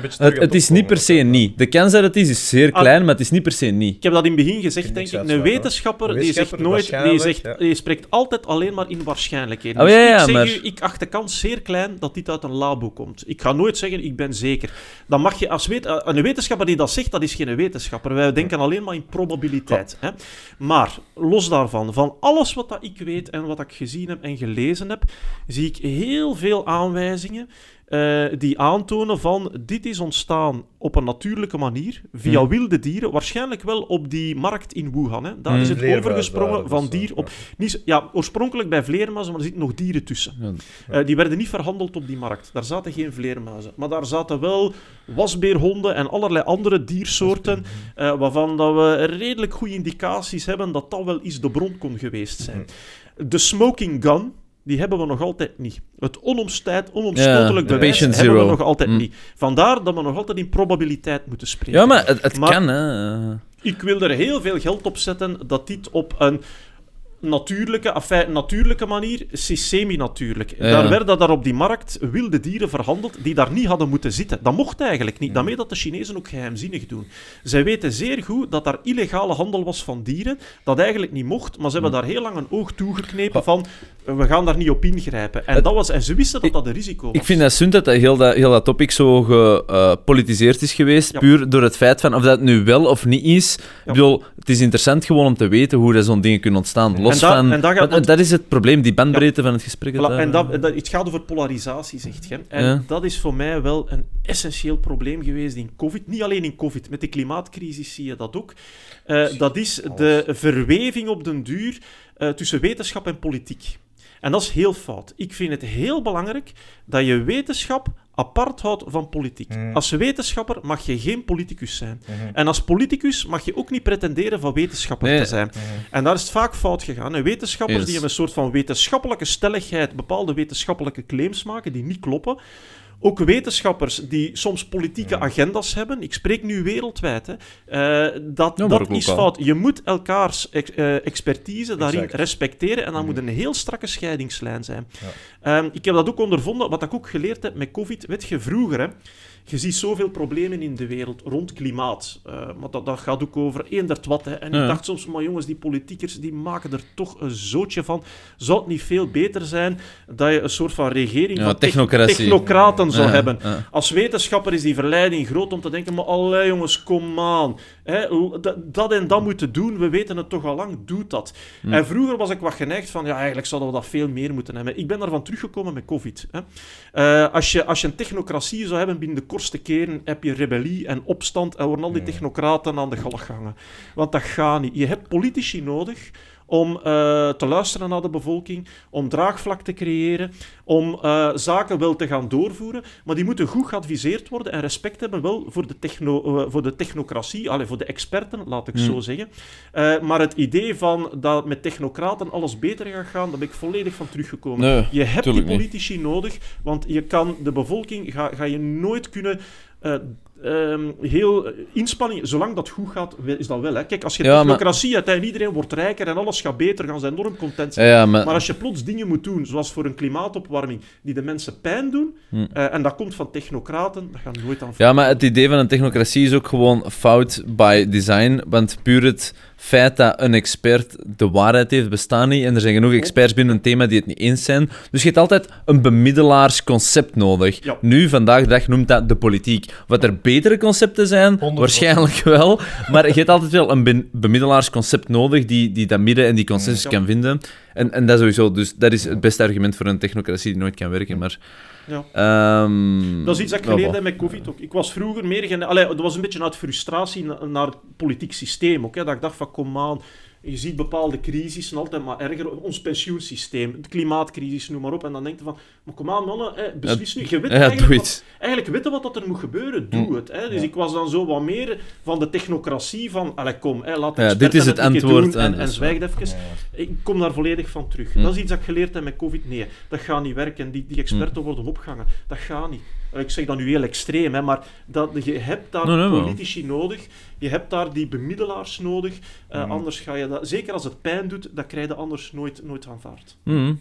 Mhm. Ja, ik heb nog duizend en één vragen, maar ik denk dat we zo Ik denk richting dat we een einde zijn. in tijdsnood zitten. ehm, Yes. Dus, dus Steven, ehm, heel hard bedankt. Het was super boeiend. Graag gedaan. Ja, we hebben niet alles kunnen aanraken. Nee, we hebben niet maar- alles, maar ben, Ja, wel, kijk. ben wel tevreden. We hebben een paar dingen kunnen opwerpen eh, en tevreden met... eh, Is er nog iets dat je zelf wilt eh, zeggen of delen? Of, eh, eh, nee, dank u, is voor, er- de, dank u Ja. voor de whisky. En als Ja, ik een, een alsjeblieft. tip mag geven, als je echt een keer een topwhisky wilt schenken, Ja, zeg. en een single malt van Schotland. hè. Dit is goed, maar het is zoet, en Amerikaans. Eh, eh, Uw goed was is- beleefd. Ja, voilà, voilà. Dus de Coca-Cola onder de whiskies. Ja, Eh een duidelijk. Benromach, dat is mijn we favoriet. hebben ook nog bier. En, ja, is goed. Ik vond dat is aangenaam. Nee, super. Steven, dank u. Veel succes nog. En eh, misschien tot later en bedankt voor de tijd. Graag gedaan. Alright, Hoi. bye bye.